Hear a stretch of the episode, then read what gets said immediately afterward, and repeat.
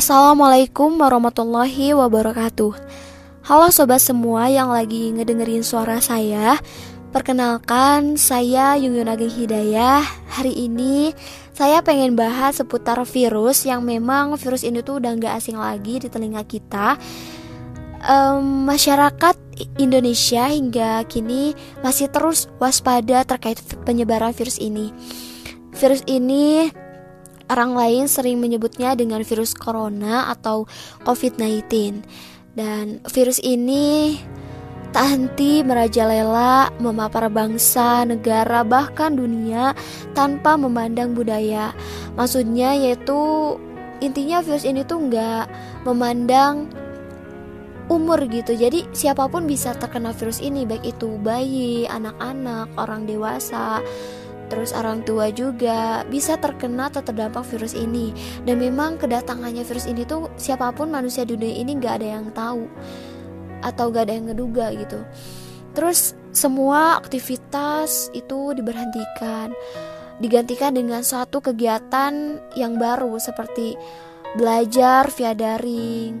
Terus ibadah kita melaksanakan di rumah terus bekerja juga di di rumah. Pokoknya semuanya itu harus serba di rumah dan tetap di rumah stay at home pokoknya gitu dan untuk imbauan jaga jarak serta cuci tangan memang semua ini sudah disebarkan di mana-mana baik itu penyebarannya lewat pamflet, berita di televisi ataupun di sosial media lain.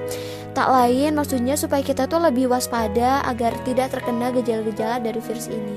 Memang ya adanya virus ini tuh membuat beberapa orang di dunia ini mengalami beberapa kecemasan yang luar biasa. Dan bisa dikatakan saat ini Mungkin kondisi dunia sedang tidak baik-baik saja. Kini berjabat tangan menjadi senjata, perekonomian bangsa kini menjadi buruk. Anak-anak kini dikekang dengan di rumah aja karena kegiatannya tuh apa ya serba daring gitu. Dan kadang menimbulkan beberapa orang mengalami gejala seperti gejala stres gitu. Dan tim medis yang sekarang kita sebut sebagai pahlawan dunia harus bekerja lebih ekstra karena uh, mereka tuh harus menangani beberapa pasien yang terkena virus. Terus mereka juga harus rela meninggalkan orang yang mereka cintai, tak lain untuk menyelamatkan keselamatan bangsa kita. Untuk itu tentunya ada beberapa hal yang harus kita lakukan selama pandemi, yaitu istiqomahkan hati. Hati ini singkatan dari H, hidup bersih dan sehat. Mari kita istiqomahkan untuk terus menjaga kebersihan diri kita, menjaga kesehatan diri kita. Dengan kita menjaga kebersihan, ini menjadi salah satu rutinitas yang paling uh, bisa membuat diri kita untuk lebih mewaspadai penyebaran COVID-19. Sebagai langkah awal pencegahan virus ini, dengan mencuci tangan dengan sabun ini merupakan satu hal yang memang sudah harus kita terapkan karena ini merupakan salah satu penerapan PHBS dan sebenarnya mencuci tangan ini juga udah merupakan satu hal atau kebiasaan yang memang sering kita lakukan ya. Yang selanjutnya adalah A aktif berolahraga. Daya tahan tubuh yang kuat menjadi salah satu benteng menghadapi virus corona atau COVID-19. Dengan kita olahraga teratur, ini bisa menjaga kesehatan kita, kebugaran, dan juga daya tahan tubuh.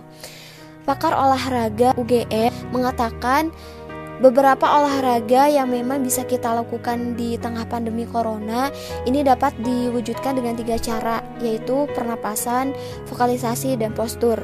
Olahraga dengan pernafasan bisa dilakukan dengan senam pernafasan seperti senam tera atau yoga. Lalu vokalisasi antara lain dengan bersenandung, terus bisa juga dengan membaca Al-Quran, ataupun misalkan dengan sholawat. Sedangkan untuk postur ini dapat ditempuh dengan cara seperti melakukan senam tai chi maupun gerakan sholat. Ingat ya sobat semua, dengan kita olahraga teratur, ini menjadi cara untuk menjaga kesehatan, kebugaran, dan daya tahan tubuh di tengah pandemi corona. Yang selanjutnya adalah T, tetap di rumah. Udah lebih dari satu bulan ya kita melaksanakan social distancing. Memang hal ini bisa membuat kita bosan karena apa ya kita tuh serasa terperangkap di rumah gitu tapi memilih untuk stay at home selama pandemik ini adalah pilihan yang sangat bijaksana. Awalnya memang sih enak ya kita tuh bisa work from home kuliah itu lebih santai dan pokoknya home banget gitu. Tapi kalau misalkan berlama-lama ini bisa mengganggu uh, diri kita gitu. Baik itu bisa membuat diri kita stres atau bisa membuat diri kita bosan. Dan bisa membuat diri kita itu rindu seperti rindu suasana kampus rindu teman rindu main rindu kajian. Pokoknya banyak rindu yang berat gitu. Ya mau gimana lagi ya? Karena kita itu harus menjalani semuanya ini dengan ikhlas karena dengan cara ini bisa memutuskan penyebaran COVID-19. Untuk yang selanjutnya yaitu ibadah diperkuat. Melaksanakan ibadah di bulan Ramadan tahun ini memang berbeda. Yang biasanya kita itu sering melaksanakan taraweh di masjid, sering melaksanakan kejian di masjid. Kini masjid menjadi kosong, bahkan sepi. Tapi tentunya di Ramadan kali ini kita tidak boleh berhenti untuk semangat beribadah dengan kita bisa melaksanakan semuanya di rumah. Tentunya hal ini bisa meningkatkan ibadah kita juga karena Salah satunya dengan kita melaksanakan taraweh, dilaksanakan secara berjamaah bersama keluarga di rumah. Secara hukum fikih, melaksanakan ibadah sunat taraweh ini masih tetap sah dan tentunya masih bisa berpahala. Itu.